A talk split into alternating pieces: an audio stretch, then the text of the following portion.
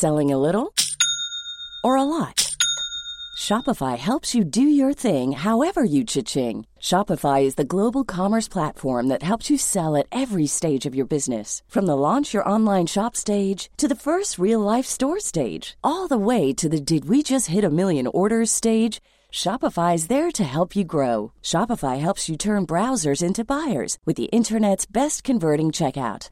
36% better on average compared to other leading commerce platforms because businesses that grow grow with Shopify. Get a $1 per month trial period at shopify.com/work. shopify.com/work. Since 2013, Bombas has donated over 100 million socks, underwear, and t-shirts to those facing homelessness. If we counted those on air, this ad would last over 1,157 days. But if we counted the time it takes to make a donation possible, it would take just a few clicks. Because every time you make a purchase, Bombas donates an item to someone who needs it. Go to bombas.com slash ACAST and use code ACAST for 20% off your first purchase. That's bombas.com slash ACAST, code ACAST. When you're ready to pop the question, the last thing you want to do is second guess the ring. At Bluenile.com, you can design a one of a kind ring with the ease and convenience of shopping online. Choose your diamond and setting. When you find the one, you'll get it delivered right to your door. Go to Bluenile.com and use promo code LISTEN to get $50 off your purchase of $500 or more. That's code LISTEN at Bluenile.com for $50 off your purchase. Bluenile.com code LISTEN. Fem år och över 140 intervjuer, alla med framgångsrika kvinnliga ledare och företagare. Eva Ekedal hade jobbat med ledarskap och rekrytering hela sitt liv. Hon startade Karriärpodden för att hon brann för jämställdhet och ville göra skillnad. Shanna Ruterhill har en bakgrund från den digitala världen med bland annat 10 år i olika ledarroller på Google. Tillsammans tog de nästa stora kliv och startade Women for Leaders. Ett företag som tar fram handlingsinriktade program för att leda förändringen och för att få fram fler kvinnor till toppen. Jag tror inte på hierarkier. Alltså jag tror inte på det som grund för kreativitet. Därför att skulle jag till min teknikergrupp säga ja, nu ska ni jobba så här. Och så säger de så här, ja, fast det fungerar inte för det är så och så. Ja, men nu är jag din chef och nu är det så här vi jobbar här. Alltså jag, det är inte bara det att det är korkat, för de vet bäst hur de ska jobba. De, de faller ihop som suffléer också. Det blir ju inget roligt.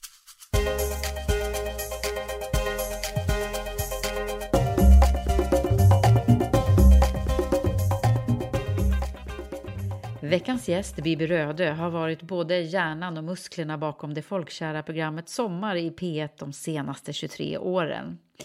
I den här podden får vi lära känna Bibi och det blir lite av hennes eget sommarprat.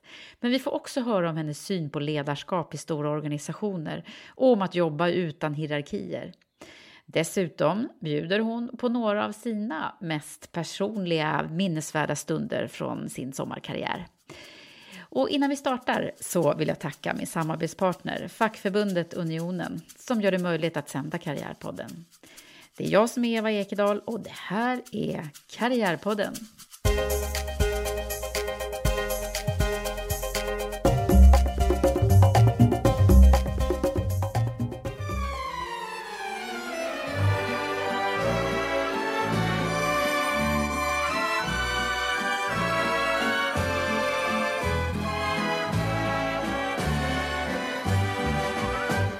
Bibi Röde, välkommen till Karriärpodden. Tack. Snart sommar. Och snart sommar, skulle man kunna säga. Mm, men först med litet S och sen stort S. Ja, exakt. Ja. Nej, men det är så roligt att få ha dig här, radiodrottningen. Vi har hållit på med mikrofonen här innan och haft lite tekniksnack.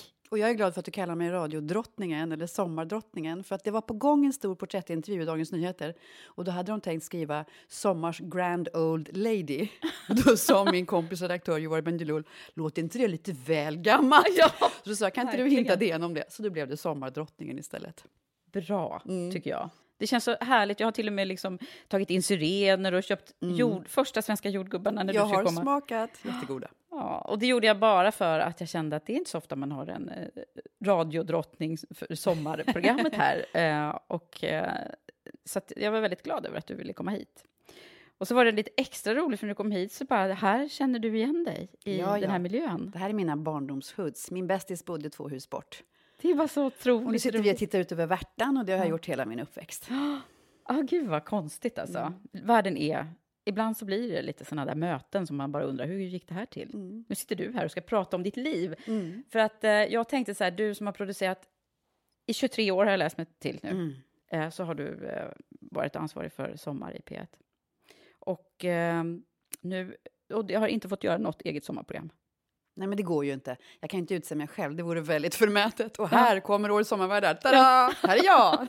det går ja. ju inte. Nej, men jag tänkte, kan vi inte göra ditt eget sommar här nu, fast lite i liveformat och med en, en producent som ställer frågor? Spännande. Jo, okej. Okay. Det är en ny variant. Jag, alltså, jag vet ju hur svårt det är, men då önskar jag mig själv lycka till. ja, det gör jag också.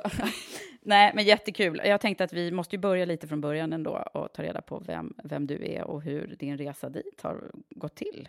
Mm. För det är ju det vi gör här i Karriärpodden. Vi forskar lite i hur våra olika vägar eh, och hur olika vägar det kan vara och ändå leda till eh, något mål. Visste du vad du ville hålla på med när du var liten? Eh, nej, men jag minns så väldigt tydligt när jag i min lilla lya på Gärdet, inte långt härifrån, satte mig eh, vid köksbordet en kväll ensam, tände ett ljus och så tänkte jag så här, vad ska jag bli? Och jag är så glad över att jag gjorde det, jag minns det här så tydligt. För jag tänkte fritt, inte vad borde jag bli eller vad tycker mamma och pappa eller vad säger kompisarna och syskon, utan jag tänkte så här, vad vill jag bli? Och då tog jag fram ett kollegieblock och så skrev jag ner alla yrken jag kunde komma på. Alltså verkligen så här, damfrisörska, frisör, tandläkare, liksom alltihopa, mm. doktor, allt jag kunde komma på. Och någonstans där så stod det pilot, jag älskar att flyga, egen företagare och journalist. Mm. Och allt annat tänkte jag så här, nej, tandläkare, usch, titta folk i munnen, nej, frisör, nej, inte andra människors hår. Och så att jag tänkte in, hur skulle det vara att jobba i de här yrkena? Och så hade jag de här tre kvar. Pilot, egen företagare och journalist. Och pilot vill jag ju jättegärna bli. Men på den tiden så blev man det via lumpen. Mm. Och jag var ju tjej, så det gick ju bort då. Mm. på den tiden var det inte läge att göra lumpen om man var tjej. Nej. Och sen tänkte jag på egen företagare. Okej, okay. och så sökte jag in på Handels. Och så kom jag in på Handels. Mm. Och så gick jag på Handels ett år. Och sen fick jag inget syre. Nej, vad hände där då? Nej, men jag kom in i en värld, när jag är uppvuxen ska jag säga, i en värld där min pappa hade gått Handels och tekniskt och direktör på Philips. Och, så jag är uppvuxen i de kretsarna och i det livet. Och in där tänkte jag att jag ville komma för att jag ville göra något eget. Entreprenör hade jag skrivit, inte direktör, ja. entreprenör. Men jag kände väl 19 år gammal att det var så många unga personer som jag som ägnade lunchrasten åt att gå ner i studion, för, nej, ner en trappa ner i rotundan och kolla text-tv för att se börskurserna. Och jag fattade ingenting. Vad ska jag kolla börskurserna för? så de, var liksom, de hade siktet inställt på, på vinst och pengar eh, i en ganska smal form redan då när de var 19. Och jag hade så mycket frågor i huvudet om livet. Och, alltså jag åkte ut och reste sen, jag var runt i världen och jag träffade människor. Jag funderade på vad jag ville bli och samlade på mig erfarenheter. Och jag slogs bara av den där målmedvetenheten hos många av dem då. Och sen har det gått bra för många av dem. Mm. Eh, jag tog inte alla tentor. Jag missade en tenta första året och sen skulle jag ta ett break och verkligen fundera över vad jag ville göra. Och dumt nog så hoppade jag på att vara reseledare i Frankrike, mm. så jag gick runt där nere. En reseledare? Ja, ja. Så gick jag runt där nere bland palmerna och solen på Rivieran och tänkte, ska jag tillbaka till Handels? Nej. Och då gick jag tillbaka till min, mitt kollegieblock och tänkte, journalist. Mm. Vad var det där andra på listan? Exakt. Nej, men jag hade ju det, det ja. bubblade ju där någonstans. Och jag hade ju inga förebilder jag visste inte riktigt. Jag minns att jag tog fram en tidning där som 19-åring och tittade. Ja, man får väl en byline i en tidning. Alltså jag hade ingen koll på vad det verkligen var att till yrket vara journalist. Så jag satt och funderade på hur det skulle kunna vara. Men så sökte jag in på Journalisthögskolan. Och då bara... Då fick jag allt syre jag behövde. Ah. Då var jag hemma då var du hemma. Då Vad var, var det som var eh, hemma oh, för dig? Då? Men det var ju nyfikenheten, det var öppenheten inför livet. Det var en blandning av människor som gick där. Och att man i jobbet, i skolan, fick intervjua personer, ta in, lära sig, vidga sina vyer eh, förändra sitt tankesätt. Alltså det var så mycket som gav mig så mycket. Det var så positivt och närande direkt. Och det har det varit från dag ett, måste jag säga. Och mm. fortfarande. Mm. Jag älskar mitt yrke. Och de första jobben, hur, minns du några episoder från det? Ja, gud ja. Oj, jag minns så mycket. Det har varit så roligt. Jag gjorde min praktik på Radio Stockholm. Mm. Eh, och där lärde jag mig mycket, för då var, på den tiden var ju Radio Stockholm det nya eh, jämfört med Riksradion som var lite mer gammaldags. Så där lärde jag mig hemskt mycket. Eh, sen in på Sveriges Radio. Nej, men jag har varit med om så mycket och det har varit så roligt. Du, du liksom känner alla radioprofiler och uh, har jobbat med ihop med ja. de flesta som ja, oh ja. känner igen också. Ja, oh ja. Jag har gjort tv, jag har gjort radio, jag har varit mycket länge på Sveriges Radio. Det är en underbar arbetsplats att vara på. Mm. Hur gick det till då? Ska vi ta det här med liksom hur du hamnade i att nu jobba 23 år med en och samma produktion? Alltså det kunde man ju inte tänka sig att jag skulle vara på ett ställe 23 år. Det var helt otänkbart. Jag jobbade på Studio 1 på Sveriges Radio och jag minns att vi hade en eh, stor konferens på Berns med alla våra medarbetare. Och då säger min chef Bengt Linderoth till allihopa. Hörni, jag ska bara säga att eh, jag fick frågan från P1-chefen Yvonne Winblad om vi skulle kunna tänka oss att ta över Sommar till då samhällsredaktionen som jag tillhörde från kulturredaktionen. Och jag har inte rådfrågat någon, men jag har sagt ja. Och då var det så roligt för alla de här seriösa samhällsjournalisterna. Björn Elmbrandt, Kristin Göte, allihopa. Alla bara ja, skulle jag kalla. Aha. För att det är någonting med sommar, det är så lustfyllt. Mm. Så att folk välkomnade det där. Och sen fick jag frågan då av Bengt, min chef, och Yvonne Winblad, P1-chefen, om jag kunde ta över. Och då var jag 30 någonting, tre små barn. Och så sa jag ja, ja. Men han ju inte, eller, tänkte ju inte efter så där förnuftigt. Om jag, utan jag bara sa ja. Lustfylld ja. Mm. Och sen kastade jag mig Det är ju ett av de tipsen som, som jag tror att det är det mest vanliga tipset jag får ifrån personer som är med i Karriärpodden. Våga, säg ja. Säg ja. Tänk inte efter, säg Nej, ja. precis. Och det gjorde du? Nej, jag gjorde ingen riskanalys, Nej. ingen konsekvensanalys, jag bara sa ja. Mm. För att det verkar kul? Eller? För att det kändes så rätt. Mm. Därför att jag fick kombinera, jag är då nyhets och samhällsjournalist i grunden. Um, hade jobbat då med alla möjliga intressanta frågeställningar och producerat väldigt många stora sändningar och program. Och det är viktigt och angeläget och bra och på alla sätt och vis. Men, men det är också det är en dimension av det, det är mycket hjärna. Mm. Eh, och jag saknade ju mage och hjärta. Och i sommar fick jag kombinera det. Därför att jag använder ju hjärnan jättemycket och det gör ju sommarvärlden också. Men också det personliga. Mm. Eh, magen, oh, man känner någonting, man skrattar, man blir vansinnigt glad och man blir jätteledsen och man, man är mer nära människor. Mm. Men du, det gick inte så bra då? Alltså det var inte så här stora lyssnarsiffror när, ni, när du började? Nej, nu brukar jag alltid säga till sommarvärden att skryt inte, för skryt är ingen snygg egenskap. Nej, men, men du kan få göra det lite i Karriärpodden, får man göra det. Nej, men jag kan citera Yvonne Winblad som i sina memoarer mm. just skriver om det här. Att eh, det gick, alltså sommar var inte så uppmärksammats, omtalat. Sommar har alltid varit sommar.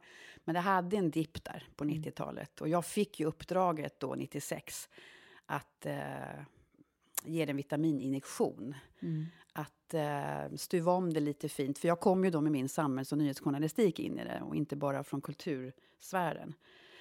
Men hur att, tänkte du då? då nej, men jag tänkte ju inte, jag säga. Nej, men jag gick på ryggmärgsreflex och gick igång. Jag fick frågan vinter 96. Och då hade vi 64 värdar. Och jag hade en medarbetare som inte ville jobba med det journalistiska utan kunde hjälpa till med kontrakt och avtal. Och så satte vi snabbt ihop den här namnkommittén, en slags advisory board. Men tänk dig själv, uppdraget fick jag kanske i november, december. Och i maj var presskonferensen och 64 personer skulle bokas in. Och jag var den som, okej, okay, right! Och vilka sändningsdatum? Det var ja. helt hysteriskt. Så att det blev en upplaga då överhuvudtaget. Så du hann inte tänka så mycket i början? Där. Jag körde. Mm. Det vore ju väl väldigt kul om den sittande statsministern var med. Japp, där kom han. Så jag körde bara på i en väldigt Och det, var, det hade man inte gjort tidigare? Då? Nej, det var första gången en sittande statsminister var med. Det var Göran Persson. Och det blev ju filmteam och journalister från all over the place som kom dit och sa oj, Swedish Prime Minister med en radioserie. Mm. Nej, jag körde på. Tre små barn, eh, ett uppdrag som jag inte riktigt hade liksom insett vikten av, eller liksom tyngden av att bära. Och sen körde jag på, med förstås, jag var inte helt ensam. Jag hade en medarbetare som hjälpte mig med avtal och så. Sen hade jag den här gruppen som hjälpte mig att ringa och ringa värdar och utse dem. Men det var mina barn som hjälpte till att sätta upp tältet i Radhusparken. min dåvarande man hjälpte till med att göra de här ansiktena som vi står med. Ja. Därför att det var, äh, det var så mycket som skulle göras. Men du, det, det här med, jag tänker på din lista i kollegieblocket, så här, entreprenör, ja, Ja, lite Ja. låter det som att du fick utlopp för det här, Så även om du inte var det. Så är det. Mm. Jag minns en, en ganska lång, stor porträttintervju i Dagens Nyheter där eh, jag berättade om hur jag jobbade och så. Då kom just min älskade chef Bengt Linderoth. Och, nej, då hade han blivit intervjuad om mig i den intervjun. Och då sa han någonting i stil med det är ett under att Bibi står ut i den här stora organisationen för hon driver ett företag i företaget. Vilket inte chef över honom var så förtjust i att han Nej. sa, men så var det. Vi pratar mycket om det där idag med intraprenörer eh, som liksom gör det du skildrar så bra här, eh, fast i stora Det, företag. det är ett under kan jag tycka att jag fått hålla på så här i 23 år. Ja. alltså, varför då? Varför är det ett under? Därför att jag passar inte i en stor organisation egentligen. Sommar, jag och Sommar och det sättet vi jobbar på är en rund cirkel. Och i en stor organisation så är det ju mer Excel-styrt med fyrkanter. Och vi passar inte in vare sig i målgruppstänk, hur vi arbetar. Alltså det, det, nej, det, det är liksom fel sätt att jobba på. Ja. Så att de har låtit oss hålla på. Och varför har de gjort det då? för att det har gått bra. Så jag har varit helt medveten om att den dagen det inte skulle gå bra så hade jag nog haft knock, knock, knock on my door. Och så hade det kommit någon och sagt att nu ska vi göra så här istället. Någon chef över mig. Har du, har du aldrig liksom tröttnat? Så här? För det är ju, jag kan tänka mig så här, du säger att ni också jobbar ju i cykler, liksom. Det blir så här, "Ja, nu är det, kommer det sommar igen. nu, ska, nu ska vi börja om igen. Eh, 23 år är ju ganska lång tid. Jag vet, och jag borde ju tröttnat för länge sedan. Men alltså jag är ju en person som vill gå runt hörnet och se vad som händer hela tiden. Både privat och i jobbet. Jag är nyfiken. Äh, jag tycker det är så roligt att se vad som händer. Eh, och det får jag ju i sommar. Hade jag varit kvar på Studio 1 eller Ekot, där förvisso det händer ju många nyheter och det händer stora saker i världen, men det är lite same same ändå. Det går runt. Eh, I sommar så är det mer jag är inte lika utbytbar. Som producent på ett aktualitetsmagasin så kan någon annan ta sändningen. Den kommer låta ungefär likadan. Men här är det mer jag och mina medarbetare som, beroende på hur vi är och hur vi jobbar och vad vi gör, så blir det olika.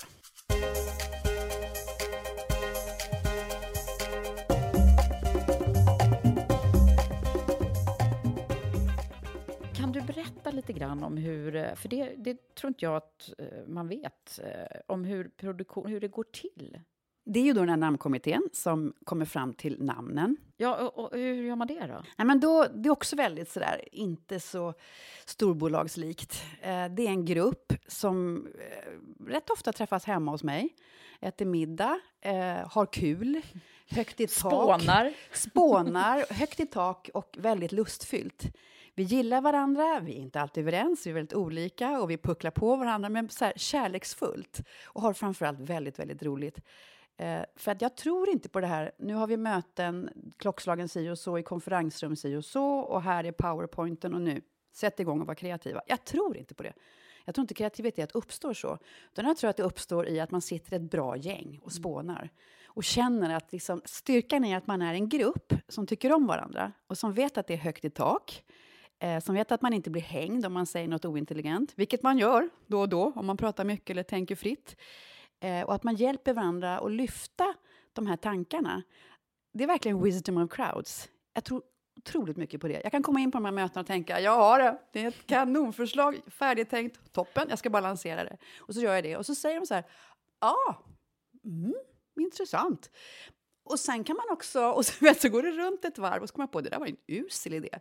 Och så har vi kommit fram till det tillsammans. Och så kan jag komma in på ett annat möte och säga, nej, jag har en idé, jag tror inte riktigt, nej, håller inte. Ja, men du, säger någon. Och sen har vi olika olika vinklar. Alltså vi ser saker från olika håll. Jag, kan inte ha, jag har ju min vinkel på hur jag uppfattat saker och ting och varit på olika ställen och hört olika saker. Någon annan har ju en annan vinkel in. Och då ger det mer en bredd av, alltså, det blir en vidvinkel av det jag tar upp. Och sen tar jag in vad de säger så här, ah, tänkte jag inte på, eller ah, det visste jag inte. Och så går det runt. Och det där tycker jag, jag älskar Mm, det det. är en härlig process. Och, Älskar men, det. men det bygger ju på att man då har lyhörda personer som också är med på och, så att, säga, att, att omvärdera och Ja. utvärdera. Men det kan jag säga, under alla mina 23 år så har ingen i den här gruppen sagt ja, du sa ju att det här var ett bra förslag och det höll ju inte. Eller det blev ju inte så bra. Man får aldrig Eller vad var det jag sa? Aldrig. Nej. Men det är ingen som kommer på tanken att göra det. Utan man går vidare. Men det är utan- väl kanske du med din, ditt ledarskap som då formaterar det här. det vore roligt om det är så, Mm. förhoppningsvis. Det låter lite så tycker jag. Men du, eh, om man, du, om man då jobbar i ditt team, i den här namnkommittén, Mm. eh, och sen har man en, en... eh, Är det så att alla kommer med, och så får man motivera varför, eller hur går det? Ja, alla har ju sina darlings, sina förslag. Sen får vi in förslag från våra 25 lokala kanaler och sen får vi ju hur många förslag som helst från allmänheten. Ja, just det. Det, Ja, men det är så mycket en- det är så mycket så Har ni liksom så att man kan rösta? Ja, det är ju en som man röstar på varje Ja, år. vi gör, det, det var för att lösa det här enorma eh, uppdraget att liksom ta hand om alla förslag som kommer in. Det, det är ohanterligt, det går inte. Och vi går ju inte ut och säger åh, nu ska ni checka in och så, utan hela året så får vi så många förslag på människor som vi föreslår andra eller sig själva väldigt ofta. Och vi skulle kunna göra sommar liksom hundra år framöver med bara de förslagen. Så det måste hanteras på något sätt. Och då tänkte vi att då gör vi det här lyssnarnas sommar. Att man får ringa in starten på ett sommarprogram, för då hör vi lite hur det skulle kunna vara. Och så lägger vi upp åtta kandidater på hemsidan och så får vår publik då välja vem de vill höra. Det var för att vaska fram guldkornen, för det är ohanterligt. Ja. Med namnkommittén så sitter vi och, och går på lust och tänker vilka vi och de förslag vi har, vilka som skulle bli bäst. Mm. Är det några kriterier som man ska... Nej. Man ska ha en, uh, någonting att berätta och förhoppningsvis kunna berätta det bra. Och så hjälper vi ju till bakom kulisserna. Mm. Mm. Okej, så då har ni gjort, nu försöker jag följa processen här, då har ni gjort den här nomineringen då, Löpande. löpande Mm. under året, Mm. även under liksom Ja, nu, vi- eller? Nej. Ja, faktiskt. Vi bokade in den sista igår. Är det sant? ja. Sånt händer. Ja. Och sen ska de produceras, de här avsnitten? Och sen kommer nästa sak som är så spännande. Väldigt mycket i mitt jobb är att känna efter vad är det för slags människor vi håller på med hela tiden. Jag går så ofta till hur jag själv skulle vilja bli bemött, vad jag själv skulle behöva, vilken typ av människa det här är. Och så går man på magkänslan och tänker intuitivt, personkemi, för då gäller det att hitta en producent till Sommarvärden. Och det ska ju vara någon som, som jobbar bra ihop. Ja, så det matchar ni? Ja. Ibland kommer de i par. Anja Persson kommer hand i hand med Henrik Jonsson. Och hej, vi, har en, vi skulle vilja göra ett program och vi skulle vilja berätta om det här. Okej. Och då känner de varandra från början. Eh, och vi känner dem och så går allting runt. Men, men eh, annars försöker vi hitta, alltså, vem skulle den här personen må bra av att jobba med? Och det ska ju vara någon som tycker om världen, som vill gå all in för att göra det bästa programmet på jorden. Eh, som ska finnas där som ett stöd när det känns känsligt att göra programmet. Eh, så de ska bli ett radarpar. Och det är en av nycklarna till Sommars framgång. Och jag skulle vilja vara producent till någon. Mm. Mm. Mm. Nu ska inte jag söka jobb hos dig, men det är lite, det är lite roligt. Vi, vi pratade här innan också om, lite paralleller kan vi dra till eh, det här med att vi ofta får frågan också, vilket är ditt favoritavsnitt? brukar jag få, och det antar jag att du får ganska många gånger. Mm, väldigt ofta. Och det känns lite som att barnen kommer fram med sina teckningar och säger mamma, titta, och så säger jag den där var finast. Ja, eller hur? Det Nej, går, men det går liksom inte. Men det går inte därför att, därför att världarna, i princip alla världar går ju in med själ och hjärta i det här. Och insatsen är deras livsberättelser. Så det går inte att gömma sig bakom ett visitkort eller en titel, utan det är dem. Mm. Och ofta känner de sig väldigt nakna. Och det är deras liv de berättar om. Så att om någon då efteråt säger ah, tråkigt program, va? Är mitt liv tråkigt? Mm. Det blir så väldigt sårbart och nära. Så att, eh, nej, jag gillar inte det. Vi har ju några program som man kan säga har varit prisbelönta eller, eller väldigt stora, det har hänt saker eller jag har jobbat på ett speciellt sätt med. Men alltså, det finns så många som är så fantastiskt bra tycker jag. Ja, och det, hur många avsnitt är det? Det är 58 varje sommar. Ja, så det blir, Så det blir en en faslig massa. Mm. Du räknar inte så här som jag, som är inne på 146 nu. Liksom. Jo, men jag har glömt siffran för jag är siffreblind. Men Ja. 23 år är i alla fall en siffra. Ja.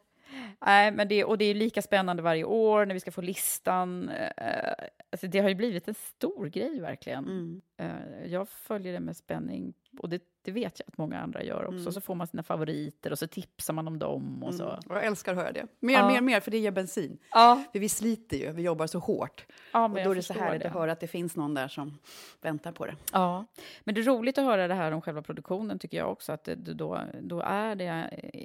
Man har, någonstans så kanske jag hade trott att det var liksom någon samproduktion kring det hela, men det är liksom väldigt Mix. eh, individuellt. Ja, ja, men sen så samlar jag ju... Jag måste som ledare för det här eh, vara väldigt tydlig med vad det är vi håller på med, så att det inte blir små solitärer som bara gör olika radioprogram. Utan jag ser mig som en showrunner i den egenskapen att det måste finnas någon, nu är det jag, som lite berättar vad det är vi ska göra och varför och vart vi är på väg. En känsla handlar det här ganska mycket om också.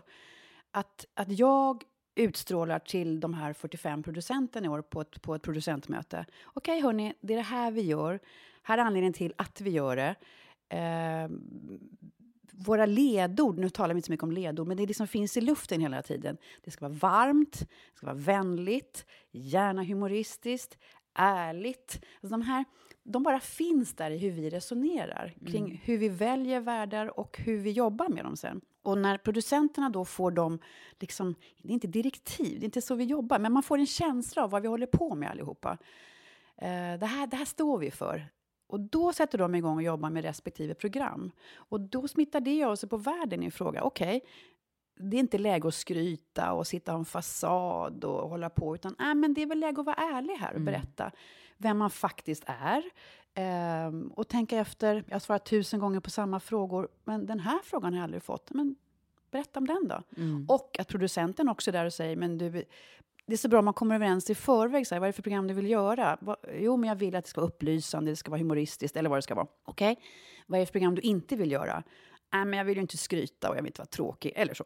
Bra, då sätter man igång och jobbar utifrån det. Och då kan producenten säga, men du, nu är vi lite tråkiga va? Utan att det blir en kritik mot personen. Eller hoppsan, skryter vi kanske lite där. Eh, Jag hade en produktion med Anders Wall, den stora näringslivsprofilen, som producerades av vår förra vd Kerstin Brunberg. Och det här är ingen hemlighet, för han har berättat det själv. Annars är jag väldigt mån om att inte berätta vad vi gör bakom kulisserna. Men då hade han fått tillbaka sitt manus, där det var små röda anteckningar i marginalen där det stod stryk, skryt. Att det var fullt av dem. Så jag fick göra om, sa Anders. Men det är för att de hade kommit överens om, och han berättade ju sin historia, och sen är det hur man gör det, för den är ju fantastisk från ja, två tomma händer och vad han har uträttat och vad han sen gör med sina pengar och sin framgång idag som är fantastiskt fint. Men producenten och han hade liksom det ögat, eller han hade det ögat på honom och sen blev ju historien eh, helt fantastisk. Han fick 6400 brev efteråt. Det är så häftigt när, när, eh, när folk vågar visa sig nakna, som du säger. Det, det, jag har ju också, försöker ju liksom att få den här känslan i, i podden här, och det är inte alltid det lyckas. Eh, för att de, jag har ju nästan uteslutande näringslivspersoner som, som eh, också är väldigt måna om att det ska liksom bli bra för företaget de jobbar på. Och sådär. Eh, och det är, en, det är en liten klurighet det där, för att ofta så är ju de som sitter i den stolen du sitter nu också väldigt intresserade av att, eh, eller väldigt ovana i att prata om sig själva, men väldigt vana i att prata om sina organisationer och ledarskap och så. Alltså jag skulle vilja dra det ett steg längre, och nu är jag lite hård kanske. Men jag tycker att, jag som har folk från olika sfärer hela tiden, sport, eh, akademiker, eh, näringsliv, eh, kultur, alla möjliga olika sfärer. Jag ser ju då att näringsliv är i en division för sig. Och jag, nu låter det fräckt, men jag slås av att de är de mest oprocessade av allihopa. Att de är så otroligt framgångsrika på det de gör, för ofta är det de man då på något sätt närmar sig för att de har gjort saker som har varit fantastiska. Eh, men de är så, och framförallt entreprenörer, mm, ganska bra, men framförallt storbolag, finans ska vi inte tala om. Eh, I vissa sfärer där man bara är, inriktad på nästa bokslut, att det ska bli ännu mer vinst och klapp på axeln och börskurs. Ehm, de, där slår det mig, är så här, eh, jag själv, eh, vänta nu, och då har de inte tänkt efter. Jag fattar inte hur man kan leva sina liv så. De har inte stannat upp, vilket man gör när man får frågan om gör sommar. Okej, då är jag här idag, nu ska jag ha ett program, vad ska det handla om? För det är så fritt. Och då hamnar man ju i det här, oj, vad har jag gjort hittills i livet? Vad är jag idag? Vem är jag? Vad vill jag framåt? Mm. Så de tvingas stanna upp och inleda den här processen. Och för många så har de inte gjort det tidigare och det slås jag. Men hur kan man vara en framgångsrik vad ska vi säga, finansman, 57 år gammal som får otroligt mycket ryggdunk och är omslagspojke på Dagens Industri eller vad det kan vara, utan att man har tagit in livet. Mm. Och det blir så hos oss att de måste göra det. Mm. Och då, då ryggar de ju inför det, mm. ofta. Eller säger ja och hamnar då i den här processen och är helt omtumlade. Och det är ju så fint, för då mm. blir det så här... Och vi gör ju varsamt. Vi, det, det, vi, man ska ju inte liksom sätta igång allt på en gång, för det kan man inte göra. Men att de reflekterar och vågar ta det här steget och visa vilka de är. Och det här, det här är nästan min det är din mission. Äh, men känner... Och den delar vi lite, du och jag, måste jag säga. För jag känner ju precis likadant när jag... När jag alltså det, det är de gångerna som det verkligen liksom... Eh, har blivit också mycket ringa på vattnet av mm. eh, Karriärpoddens avsnitt, så är det ju när det har, alltså när vi nästan har suttit och, och gråtit, både jag och, och min gäst. Mm. När man, eller när man liksom når den här sårbarheten som vi pratar om så mycket idag faktiskt, även i näringslivet. Mm. Sen Brené Brown kom med sin eh, Eh, om du inte har sett den på Netflix, så gör det. Den är så bra, tycker jag. Och hon pratar ju verkligen om att det är först då vi blir liksom synliga som människor. Ja, men de måste visa vilka de är. Mm. Alltså, varför ska jag tycka att det du sysslar med är viktigt? Eh, varför är ditt företag viktigt? Mm. Och visst, man kan säga att nej, men jag är en utbytbar vd. Nej, men du driver ju någonting. Du är också en showrunner. Det måste ju vara så. Jag menar, Ikea, varje gång du kliver in på Ikea så tänker Ingvar Kamprad. Mm. Det, entreprenörerna är mycket bättre på det, för de drivs av någonting, startar ett bolag. Men jag skulle vilja se mer av det. Och ja. jag kan slås av hur oreflekterade många är och att de tror att det personliga är det privata. Och det är ju inte samma sak. De mm. behöver inte vara privata och lämna ut för mycket. Men de kan vara personliga, de kan vara människor. Eh, och nu Bibi, ska du få vara eh, riktigt personlig och eh, titta på dig själv lite, tänker jag. Och då tänker jag att jag ställer en fråga som handlar om ditt jobb, nämligen eftersom vi har de här, avsnitt, de här fantastiska avsnitten, är det något avsnitt som har påverkat dig personligen? Uh, ett jag får i huvudet nu är mm, när jag ringer Mustafa Jan som då var utrikeskorrespondent, frilans för Aftonbladet i Erbil i Irak inför krigsutbrottet. Och det här är väl 2003, va, tror jag? 2005? Ja, Um, och jag vet att jag tänker att jag ska ringa honom, men det är kanske inte bästa läget eftersom han var ute i det jobbet han gjorde. Och så får jag tag på honom och så, så har jag mitt lite, jag är en glad person, jag är lite så här, hej hej, när jag ringer. Och han har ju berättat om det här efteråt, det surrealistiska är att han står där liksom nära fronten och ser, ser krigets fasor komma. Och är kurd själv och, och engagerad i de här frågorna. Och så ringer jag så här, hej Mustafa, det här är Bibi Rödö på Sveriges Radio. Jag tänkte, skulle du vilja vara sommarvärd i sommar? Och då blir det helt... Mom deserves the best, and there's no better place to shop for Mother's Day than Whole Foods Market. They're your destination for unbeatable savings, from premium gifts to show-stopping flowers and irresistible desserts. Start by saving 33% with Prime on all body care and candles. Then get a 15-stem bunch of tulips for just $9.99 each with Prime. Round out Mom's menu with festive rosé, irresistible berry chantilly cake, and more special treats. Come celebrate Mother's Day at Whole Foods Market. I'm Sandra, and I'm just the professional your small business was looking for. But you didn't hire me because you didn't use LinkedIn jobs. LinkedIn has professionals you can't find anywhere else, including those who aren't actively looking for a new job but might be open to the perfect role, like me. In a given month, over 70% of LinkedIn users don't visit other leading job sites. So if you're not looking on LinkedIn, you'll miss out on great candidates like Sandra. Start hiring professionals like a professional. Post your free job on linkedin.com/people today. Millions of people have lost weight with personalized plans from Noom, like Evan, who can't stand salads and still lost 50 pounds. Salads generally for most people are the easy button, right?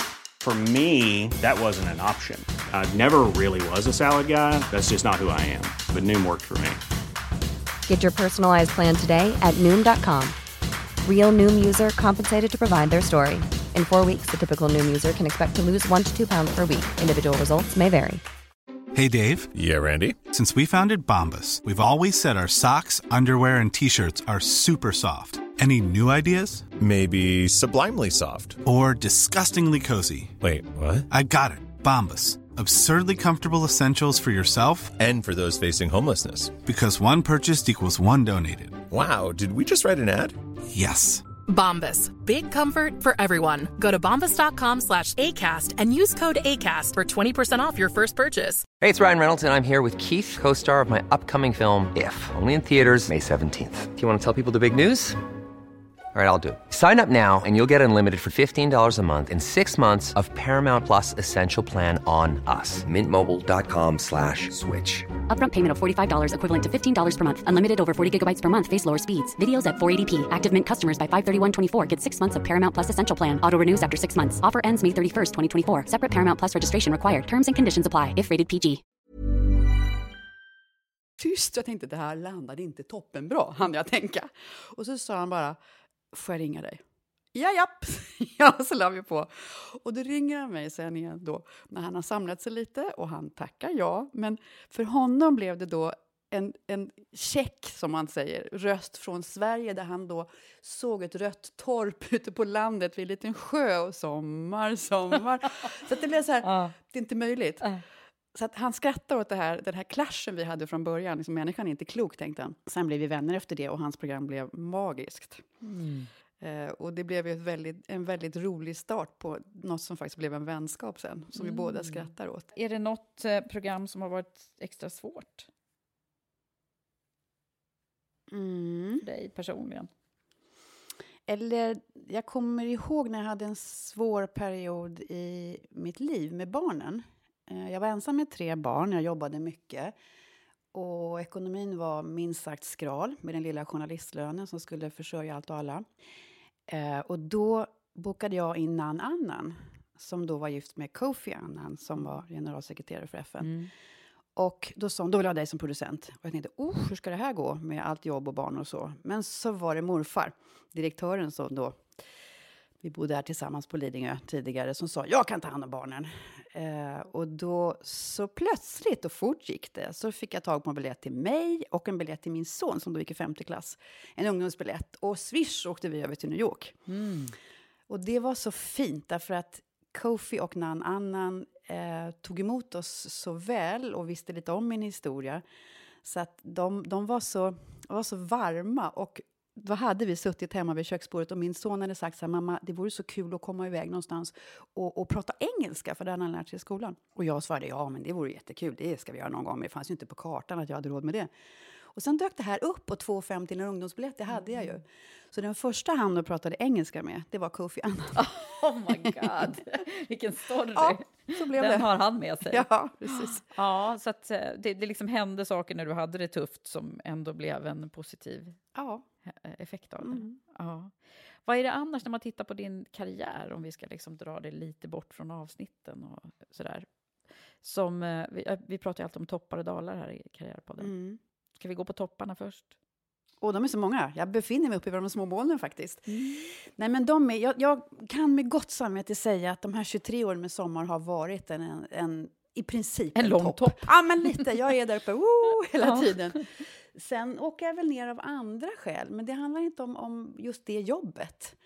Ehm, initialt var det så att under den här jobbiga perioden i mitt liv så hade jag en fantastisk chef, Bengt Lindroth. Och jag var sjukskriven på grund av mitt liv då. Är det Eh, skilsmässa? Och... Ja, men plus, plus, plus. Mm.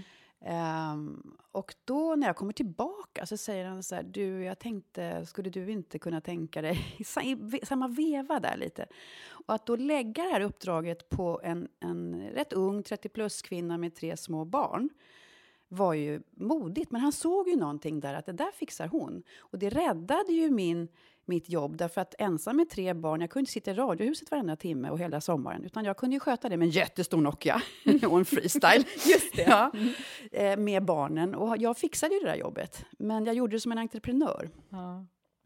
Inte att sitta i huset och med någon, med någon stämpelklocka och gå och rapportera till en chef. Nej, så du jobbade liksom modernt på den, alltså Ja. det är så som vi jobbar idag. Med, med den jättestora då. Nokian. Mm. Just det.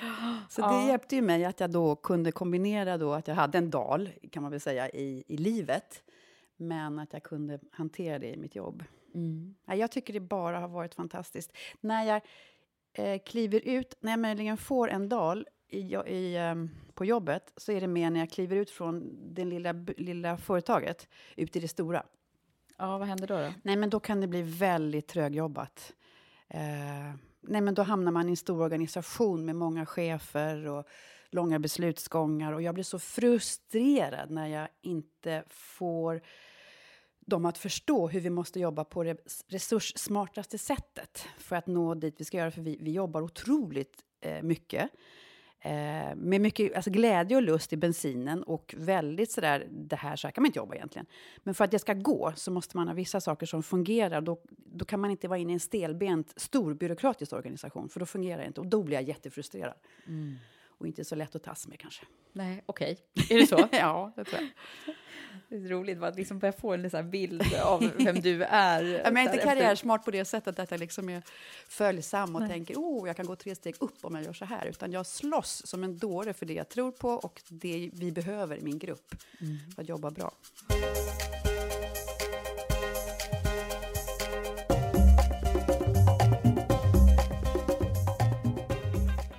Men du, om man nu tittar på dig som, eh, som ledare och, och vad, vad som har eh, präglat dig som person då, du är inne på det nu.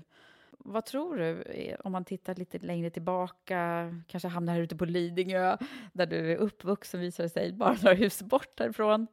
Vad är det som, som föddes tidigt i dig, som man kan se idag? Jag är glad över att jag hemifrån, via mamma och pappa och hela uppväxten, fick en god självkänsla. För jag minns när jag var, jag var korrespondent för Gävle Dala för Ekot, kom hem till moderedaktionen i Stockholm och skulle in och göra någonting snabbt. Och jag kliver in där och jag är ju inte alls så gammal och säger var finns en Avox för att redigera på och var ska jag gå in? För jag hade bråttom. Och så fick jag det. Och så gjorde jag vad jag skulle göra. Då fick jag höra av en kollega som var där på jouren, på ekojouren då, som sa åh, vad du är överklass, sa han då. Va? sa jag, för det tycker jag inte att jag är. Mm. Men han menade det att jag kom in med den här självkänslan, för jag var ju en liten vikarie från Gävle-Dala som kom ner till Stora Ekoredaktionen, för jag bara behövde de här sakerna för att göra det här. Mm. och där har jag med mig en, en självkänsla som jag är väldigt glad över. Mm. Att jag... Eh, Hallå, det här behövs. Och så gör jag det här gör vi det. Ja, men inte mm. så här, oh, tjena, jag blir inte nervös, jag blir inte ängslig över om jag klarar saker och ting, utan jag kastar mig ut och sen mm. på något sätt så fixar jag det. Fråga mig inte hur, men jag gör det. Var kommer det här ifrån då? Är du född sån eller? Ja, men jag är född sån. Mm. Men också ska jag väl tacka min barndom för det och mina föräldrar. Mm. Tror jag. Mm. För att jag, eh, man landar alltid mer eller mindre bra. Mm. Och går det inte så fixar man det också på något sätt. Ja. Och det har inte alla med sig och det är en djup orättvisa ibland. Så är det ju. Ja. Det, vi blir ju väldigt präglade av det där som händer tidigt i livet. Ja, och min dotter säger lyckligtvis likadant. Hon säger så här, mamma, hur kommer så att jag vaknar lycklig varje morgon? Om det inte har hänt någonting förstås, men grundläget är lycklig och nyfiken. Mm. Vad spännande, vad händer idag? Ja, men jag testar. Ja, oh, gud vad härligt. Finns det saker som har påverkat dig även åt uh, fel riktning? Hur då menar du? Nej, jag tänker saker som har hänt eller um, så som har fått, som du har fått en törn av? Privat? Mm, I livet? Absolut. Det är väl också det är nackdelen av just det vi pratar om. Mm. När du klokt ställer frågan så, så hamnar jag faktiskt där i tankarna. Att jag, eh, jag är påfallande dålig på att göra konsekvensanalyser. Mm. Eh, och det gäller ju även på det personliga planet. Att jag har en nyfikenhet, en tro till att det här blir spännande, vad roligt. Och så går jag på känsla. Och det har jag väl gjort i mitt privata liv för inte så länge sedan nu. Att jag um, tror stenhårt på något. Jag hamnar i någonting som känns bara så rätt, som är bara så rätt. Och sen när, när jag av olika skäl då uh, får ett abrupt slut. Uh, det händer någonting som är helt ologiskt, som ingen av oss i det fallet kunde förstå eller förutsäga. Och sen så blev det en twist på det som gör att jag tappar lite fotfästet. För att jag är så... Um, jag är så dåligt rustad på att tro att det ska inte kunna gå. Så när det händer någonting i livet där jag plötsligt står och säger men det är inte möjligt, vad hände? När jag då är själv väldigt, väldigt öppen och sårbar, ja, då blir mm. fallet väldigt hårt. Mm. För går man in med dubbel kraft mm. så blir det också en dubbel krasch. Mm, just det. Så är det. Har man fart så har man liksom. Ja, mm. och det är en nackdel med att vara som jag är. Ja det här med att vara en stark kvinna i eh, de sammanhangen som du har verkat då som ledare, och hur har det varit? Eh, bara bra, skulle jag säga. Mm. Jag jobbar på ett företag där vi har en, vi har en kvinnlig vd. Vi har haft flera kvinnliga vdar. Vi har kvinnliga chefer på olika... Ja, jag tycker att det har bara... På Sveriges Radio behöver man inte tänka att man ska kämpa för jämställdhet. Um, vi är journalister, vi är publicister. Det finns många smarta, härliga människor där som diskuterar och som är öppna inför att revidera sina uppfattningar. Nej, jag har inga dåliga erfarenheter överhuvudtaget av våra kvinnor där. Nej. Har det varit skillnad, tycker du, på eh, genusperspektivet i eh, produktionen av Sommar? Hur menar du då? Är det skillnad på män och kvinnor? När du Som värdar? Som värdar? Ja. Eller- ja. Jag som bara träffar kvinnor menar jag. Du får berätta lite, hur är det? Nej, men jag kan ju ringa då och erbjuda sommarvärdskap till, till någon man, yngre kanske, som säger så här, ja, skriv upp mig på den grejen, verkar, verkar skitbra. eh, vet du vad det är? Nej. jag minns Daniel Boilisoglu som reagerade så, det var så roligt. De har mycket lättare för att säga, japp, verkar kul, det kör jag. Och sen kan jag väl då ge exempel på kvinnor som ju absolut är befogat att ställa frågan till dem, men som ifrågasätter själva eh, erbjudandet. Nej, men ska jag? Jag tycker att det har blivit bättre under alla mina år, men det ligger lite fortfarande i det att, att kvinnor är, eh, tar uppgiften på så stort allvar och undrar om de kommer fixa det. Mm. Och sen känner man så här, jo, jo, men tusan också. Men det finns kvar lite det här att, att männen har lättare bara, ja, ja, det här fixar de på något sätt. Mm. Medan kvinnorna känner, uff, hur ska det gå till? Eh, när ska jag hinna? Och kan det bli bra eller inte? Mm. Rester av det finns kvar. Ja. Det gör det. Ja. Det är som att kvinnor har lite mer jante. Mm, nej, kanske inte tycker jag. Utan mer att, eh, hur ska jag fixa det här? Mm. Alltså en, en, och det kan vara en befogad frågeställning. På att männen ställer sig inte den i lika stor utsträckning. Mm. Ja, men ofta så är det ju så. Och då är frågan så här, vad är det? Oftast så pratar vi med, med kvinnor om att ah, du måste liksom ta för dig och du måste säga att du är bättre än vad du är och allt det här som ju jag i rekryteringsbakgrund har pratat väldigt mycket om då. Eh, men samtidigt så är det så här, är det rätt då? Alltså det är ju egentligen en norm som, som präglas av att ja, men så är det vanliga manliga sättet att, att anbegripa sig. Eh, men jag kan ju tycka att egentligen så är det väl kanske mer rätt att vara så här, ja, lite, lite observerande och reflekterande kring det. Så det där, eller hur? Det är en ganska intressant frågeställning. Absolut. Nej, men jag tycker inte att vi ska liksom blåsa upp oss på något sätt. Utan mer våga. Mm.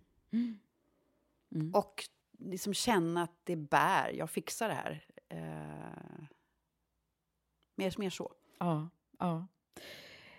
Jag fiskar ju nu lite efter hur du också, hur, hur var det under metoo-sommaren och så? Vad, vad har hänt där kring eh, jämställdhet? Generellt menar du? Ja. Jag tänker på, du har ju haft flera sommarvärdar som har naturligtvis pratat om det här. Mm. Nej, men det som kom fram, det var ju väldigt välgörande. Eh, det handlade ju mycket om attityder och en acceptans kring ett icke-acceptabelt sätt. Eh, och att man satte fingret på det så att man blir observant inför när det händer igen. Och i min bransch har det varit så att det finns ju då fixstjärnor, programledare som är väldigt värdefulla på många olika sätt. Har en stor lyssnarskara, drar många lyssnare, gör bra program, är duktiga på vad de gör. Men det gäller ju alla branscher att stjärnan ska ju liksom uppföra sig schysst, Mm. förstås. Eh, och det finns en redaktion och en gemenskap och där ska alla må bra. Så att det är ju väldigt skönt att man har de glasögonen på sig. Du, vi blir tillbaka till ledarskapet. Vi har ju, eh, eller senaste eh, kanske 10-15 avsnitten så har jag ställt en, samma fråga till alla gäster. Och det handlar om det moderna ledarskapet. För jag håller liksom på, vi jobbar ju så mycket med det i Women for Leaders, i våra ledarprogram. Eh, nämligen att ta fäste på liksom, vad är det som vi kommer behöva göra ännu mer av eller göra nytt i framtiden för att bli både hälsosamma och bra eh, företag och organisationer. Vad har du för spaning? Vad tror du om det moderna ledarskapet? Jag tror inte på hierarkier. Jag tror inte på, alltså det finns en hierarki, men jag tror inte på det här ledarskapet som är att jag är din chef, som du gör det så här. Eller min chef säger åt mig att jag ska vara så här som chef. Alltså jag tror inte på det som grund för kreativitet. Jag älskar när de jag jobbar med eh, mår bra på jobbet, tar egna initiativ, eh, hittar lösningar. Därför att skulle jag till min teknikergrupp säga ja, nu ska ni jobba så här. Och så säger de så här, ja, fast det fungerar inte för det är så och så. Ja, men nu är jag din chef och nu är det så här vi jobbar här. Mm. Alltså jag, det är inte bara det att det är korkat, för de vet bäst hur de ska jobba. De, de faller ihop som suffléer också. Mm. Det blir inget roligt. Så att det är så mycket roligare att jag som chef gör en ram. Här är ramen. Ni kan inte gå utanför den, för då vare sig ekonomiskt eller publicistiskt eller så. Här, här är ramen. Men sen färglägger ni precis hur ni vill. Och det handlar om vad programmen ska innehålla, hur producenterna jobbar, hur teknikerna bäst jobbar, hur alla, hur vi jobbar bäst. Men sen delegerar jag det friskt till respektive expert på respektive område. Mm. De stämmer av med mig och sen är de helt fria. De går och kommer som de vill. Eh, de löser det på det sättet de vill. De kommer in till mig jätteofta så här, kliar sig hårt. Äh, gör vi här då? Ja, men gör vi så här. Men annars så gör, de fixar det själva. Det är liksom små företag i mitt lilla företag. Och jag tror inte på det här, äh, jag är din chef så att um, nu gör du så här. Eller om jag sätter ut benet här så snavar du bara så har klart för dig. För att chefskapet i sig ger mig ingen kick i att jag liksom har ett visitkort där det står chef på. Kicken för mig är ju där det kommer in en av mina medarbetare och säger bara, jag löste det! Mm. Eller Äh, du vet, det här uppstod lördag kväll, men jag fixade det. Eller, jag har tänkt på en sak, hur tror du det här fungerar? Det gör mig hög, för att vi tillsammans som grupp har så kul ihop. Mm. Och så vet de att jag är chef där, men, men vi jobbar inte så. Eh, jag har inte ens utslagsröst i namnkommittén, det stör mig lite. Utan, nej, men jag kan säga, ah, okej, okay, då fick jag inte igenom det. Nej, det är så? Du, ja, du nej, får nej, inte... nej, nej. Min företrädare, han, han gjorde på ett annat sätt. Mm. Nej, jag kan bli frustrerad ibland, men hallå hörni, liksom, jo, jo, säger de. men röstar så, ni då, eller? Ja, men nej, rösta gör vi inte, men, men eh, vi, vi pratar och diskuterar och då får jag inte gehör för något förslag ibland som jag kanske tyckte var bra. Så att, jag är en av dem. Och det är inte någon sån här fånig liksom, tanke om demokrati, utan det blir bäst så. Det blir bäst så. Ja. Det bäst och det där så. Eh, ligger säkert mycket i det moderna ledarskapet, att, att hierarkierna, är, det, det pratar många om, så du, du är nog inne på rätt okay, spår. Vad bra. Det tror jag. du, eh, sen så eh, har jag ett område som jag tycker är så intressant, som heter emotioner. Vad är det som får dig att bli riktigt eh, arg? inkompetens över mig som sätter käppar i hjulet. Och det handlar just om, alltså det är inte någon person jag tänker på, men rent generellt. Om någon vill markera för mig att jag är minsann din chef, och nu märker du det för nu har du just snavat på min fot. När vi inte tillsammans känner, men vi ska ju bara upp, vi ska dit, vi ska fixa vi ska göra något fantastiskt. Då blir jag, då blir jag superfrustrerad. Mm. Och vad är det som får dig att bli riktigt ledsen? Um, i jobbet är det väl när man inte vill varandra väl. Att man inte ser till det större. Att det liksom störs av eh, små egon, låter elakt, men, men liksom att man, man inte har ett fokus på att vi ska uträtta någonting som kan bli magiskt. Det är det vi håller på med, att man tappar kärnan, alltså tänket i vad vi håller på med. Att det inte blir liksom små små beslut som, som bara ska markeras eller så här jobbar vi inte här eller nej men vänta nu här lite. För att markera en hierarki eller så här har vi aldrig gjort förr. Eller jag, jag, blir, jag blir ledsen när man inte förstår att vi vill ju alla nå de här magiska ögonblicken och vi gör allt för att komma dit mm. och kväv oss inte. Mm. När var du ledsen senast så du grät? Eller gör du det? Ibland? Mm, privat, ja. Mm. Inte alls så länge sedan. På jobbet, nej. mm. Mm. Vad grät du över då? Jag grät över... Eh, eller jag, usch, jag har haft en period där jag faktiskt har vaknat på natten av att jag gråter. Mm. Eh, så den ska vi nog ta hand om på något bättre sätt. Men, ehm, men det var just min livssituation som fick en tvärvändning mm. i att jag var på väg någonstans tillsammans med en person, väldigt hand i hand, som sen Eh, som inte blev som så. Inte blev så. Mm. Och när, när var du senast riktigt glad, så att du skrattade så där hejdlöst? Ja, men det är jag faktiskt ofta. Ja, jag ser att du ja, är det. Är ofta. Eh, senast igår på jobbet. Mm. Uh, nej, men det här, det, det, det, nu sitter vi, jag fick slåss för att ha uh, väggar till vårt rum där vi sitter och pratar om allt. Det är så hemligt hos oss. Uh, för det får man inte ha i den nya kontorslandskapsombyggnadseran. Jag tror inte på det överhuvudtaget. Men det, det, var väldigt svårt att få upp några glasväggar i de här hålen ut mot korridoren. Så att jag sitter så nu, och tyvärr inte mina medarbetare, i korridoren. Så där viskas det och går, gås in i bås och det springs fram och tillbaka. Men det är inte bara hemlighetsmakeriet kring de hemliga världarna och allt vi håller på att prata om som är oerhört hemligt. Utan det är också det här att vi måste kunna ha ett space, ett rum, där vi skrattar. Alltså vi skrattar, vi skrattar så att vi tappar det ibland. för att vi säger så dumma saker, det uppstår grejer. Så man vill inte en människa ska höra det här tre bord bort, mm. för det, är, det här är pinsamt, eller det är inte bara hemligt, det är obegåvat. Mm. Men, men det måste vara mycket känslor och mycket skratt, för annars, det är vår bensin. Mm. Och i de här skratten kommer liksom av du är inte sann, och så tycker vi om varandra, och sen... Äh, det är kompisar på jobbet oh. som hänger. Oh, gud, vad ah, härligt kul. det låter där i din hoppas att de skulle bekräfta det om de skulle sitta här. Men jag ja, tror, jag tror nu kommer de att lyssna på Karriärpodden ja, och då kommer de bara dementier. yes! vilken, eh, vilken ledare det är som leder oss fram. Du, du ska också få en fråga av eh, min samarbetspartner Unionen som skickar med en liksom specialfråga eh, vartefter de tycker att vad gästen har med sig. Och då har de gjort den här frågan till dig. Hur tänker du kring mångfald i ditt team och i era program? Eh, jag tänker hela tiden på mångfald i mitt team och i mitt program. Um, når ju inte hela vägen fram, men tänker på det oerhört mycket vad gäller sommarvärdarna. Mm. Uh, inte av kvoteringsskäl, utan att det ger oss en annorlunda synvinkel in på sakerna. Och då, alltså mångfald är ju så mycket. Men, men uh, jag älskar ju när Sommar är brobyggare. När, uh, vad ska vi säga, en äldre dam som bor i Avesta jag ser henne i ett rött hus vid vägkanten. Mm. Lyssnar på en person som har flytt hit. Eh, där hon, ah, det är så det känns, det är så det är. Så blev det med Mustafa Jans sommar. När han pratade om all världens mödrar och hans egen mamma då i synnerhet. Mm.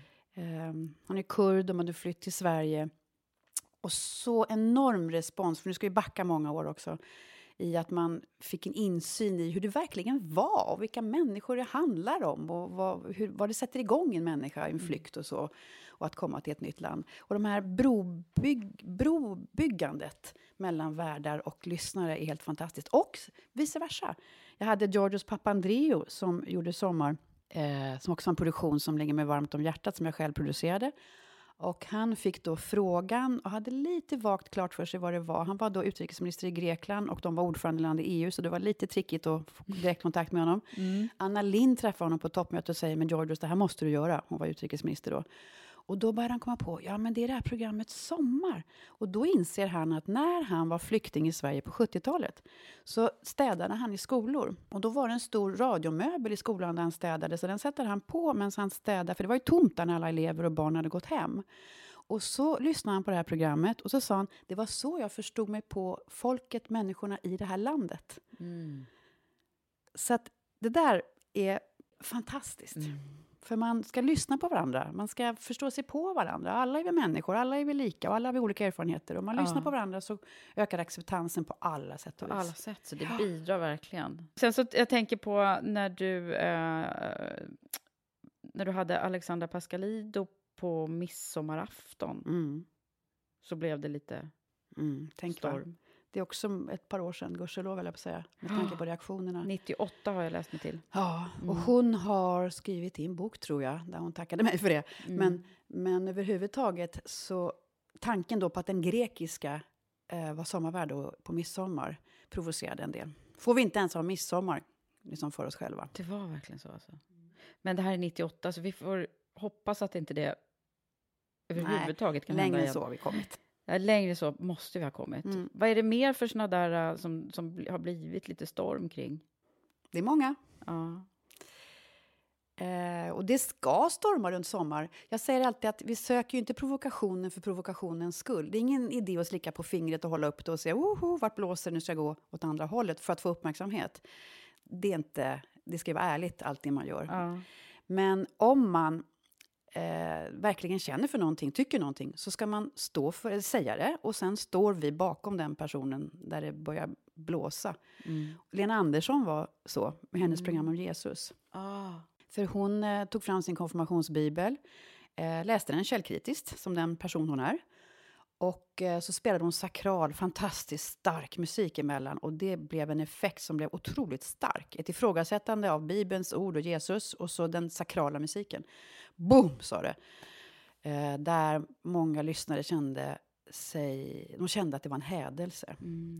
Så det satte igång många, många diskussioner kring religion. Och man kan tro att vi lever i ett väldigt sekulärt samhälle, men det var ett stort engagemang kring det. Är det du som får bemöta den här eh, Ja, kritiken? ja, då var det det. Absolut. Det, Mm. var, det var lite hett om öronen där. Annika Östbergs medverkan var också hett om öronen. Ah. Efter 28 år i amerikanskt fängelse eh, så gjorde hon sitt första medieframträdande kan man säga i sommar. Ah. Och det var så hatiskt innan programmet. Mm. Och jag sa till alla som ringde, men, men lyssna. Ring igen sen när du har lyssnat. Mm. Lyssna på programmet, lyssna på henne. För du har ju inte någon aning riktigt om vad det här kommer bli och vem hon är. Och sen efteråt så, så kom det vykort med blommor på och hon blev önskad till eh, vintervärd. Så det är ett tecken på att vi har massa förutfattade meningar. Vi skriker väldigt högt. Vi blir väldigt arga väldigt snabbt. Och sen när man möter den här människan så, jaha. Mm. Så man kan ju hoppas att eh, de här, eh, också med sociala medier nu, jag tänker på liksom den kritiken som är så lätt att bara liksom haspla ur sig, Mm. men att det ändå folk tar sig tid att lyssna eh, en timme. Ja. Så att det liksom blir eh, just den här förståelsen, jag tror det är, det är jätteviktigt. Och eh, där kan man ju säga under min, min tid med sommar så har det ju varit en trend att saker ska inte vara långa. Man talade ju om snuttifieringen, allt skulle vara kort och allt gick fort. Men så tänkte jag så här, nej, nej, det kan aldrig vara fel att låta en människa tänka efter före, formulera sig, vara ärlig och dela med sig av sina erfarenheter i det längre formatet, för tillvaron är komplex. Å ena sidan och andra sidan, men jag har landat i det här. Och det är ju så det ser ut, men det är inte så sexigt i en snabb sändning. Men det blir väldigt bra när man har längre tid på sig att få, få med alltihopa. Och eh, med facit i hand, nu är vi i långa formatets tid. Nu har vi långa serier som är entimmesavsnitt på entimmesavsnitt som folk slukar. Så att det här med trenderna och synsätt på, behåll kompassen och tänk själv. Nej, men det är väl aldrig, du vill inte träffa en människa i liksom tio minuter och sitta och skrika åt varandra. Det är väl bättre Nej, att men prata. det blir inte på riktigt liksom. Nej, kommunikation.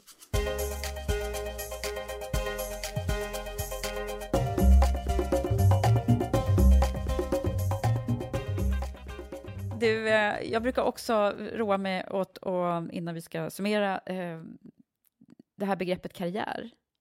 Det kan ju betyda väldigt mycket för olika, och olika för olika människor. Vad, vad, vad tänker du på? Din karriär? Jag har inte tänkt i termer av karriär överhuvudtaget. Jag har bara vågat. Jag har gjort det jag tycker är roligt. Jag har gått på magkänsla. Jag har varit väldigt eh, uppslukad av mitt jobb. Jag tycker det är så roligt. Och då kan man kanske säga att det är en karriär, vad vet jag. Men det har inte varit det här, hur ska jag göra karriär, hur ska jag få en hög lön och hur ska jag få ett snyggt visitkort. Det har inte drivit mig alls. Inte ett dugg. Därför att jag har eh, stimulerats av mitt jobb och jag tror att väljer man en sån karriär så, eh, så blir det bra.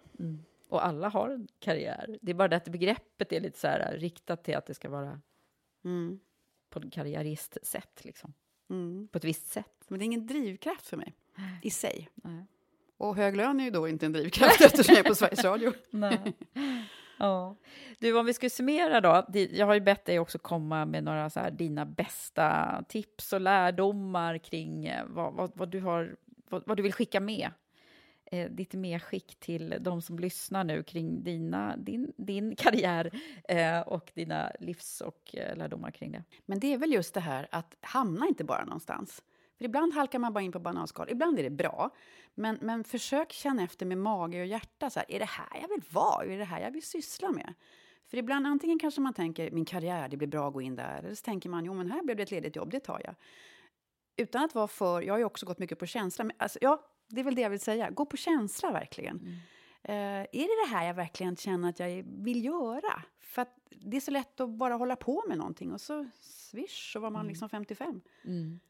Men stanna upp och, och gå på känsla. Ja, men gå dit där du känner att, du, att det känns bra att vara. Det du, alltså verkligen det du jobbar med ska vara någonting som du känner bara, ah, men idag är det bra. Om du vill köra buss så kör du folk till jobbet och det känns bra. Om du Mm.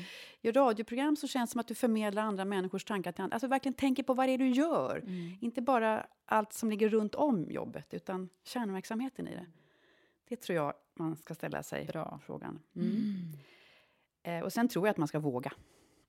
I kombination. Ingenting är säkert. Nej, och för man vet ju faktiskt inte innan man har provat heller. Nej, och det mesta fixar sig. Det gjorde det för dig. Ja, typ. På, på allra bästa sätt. Ja. Har du något mer? Nej, men jag tror att man...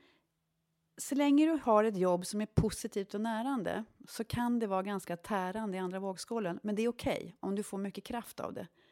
Är, tar du ett jobb, eller jobbar du med någonting som tar mycket kraft av dig, då orkar du inte.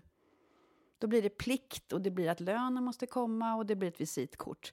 Men det där tär och jag tror att det är inte bra. Det håller inte och du blir inte lycklig av det. Nej. Tack så jättemycket för att du har varit med här. Tack. Tack till dig som har lyssnat. Om du vill veta mer om oss, besök gärna womenforleaders.com. Och du, rekryteringen pågår för fullt inför höstens programstart av Premium Leadership Program. Så är du en kvinnlig ledare med chefserfarenhet som vill få ny kunskap, inspireras och bli ännu bättre? Läs mer och ansök på vår hemsida. Till sist vill jag rikta ett tack till min samarbetspartner Unionen, ett fackförbund för privatanställda tjänstemän. Du kan läsa mer på unionenopinion.se eller följ Unionen Sverige i sociala medier.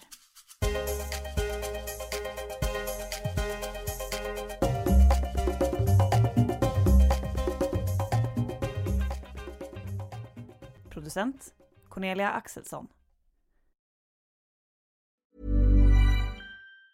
Hi, I'm Daniel, founder of Pretty Litter. Did you know cats tend to hide symptoms of sickness and pain? I learned this the hard way after losing my cat, Gingy. So I created Pretty Litter, a health monitoring litter that helps detect early signs of illness by changing colors, saving you money and potentially your cat's life. Pretty Litter is veterinarian developed, and it's the easiest way to keep tabs on your fur baby's health right at home. Go to prettylitter.com and use code ACAST for 20% off your first order and a free cat toy. Terms and conditions apply. See site for details. Hey, it's Paige DeSorbo from Giggly Squad. High quality fashion without the price tag. Say hello to Quince.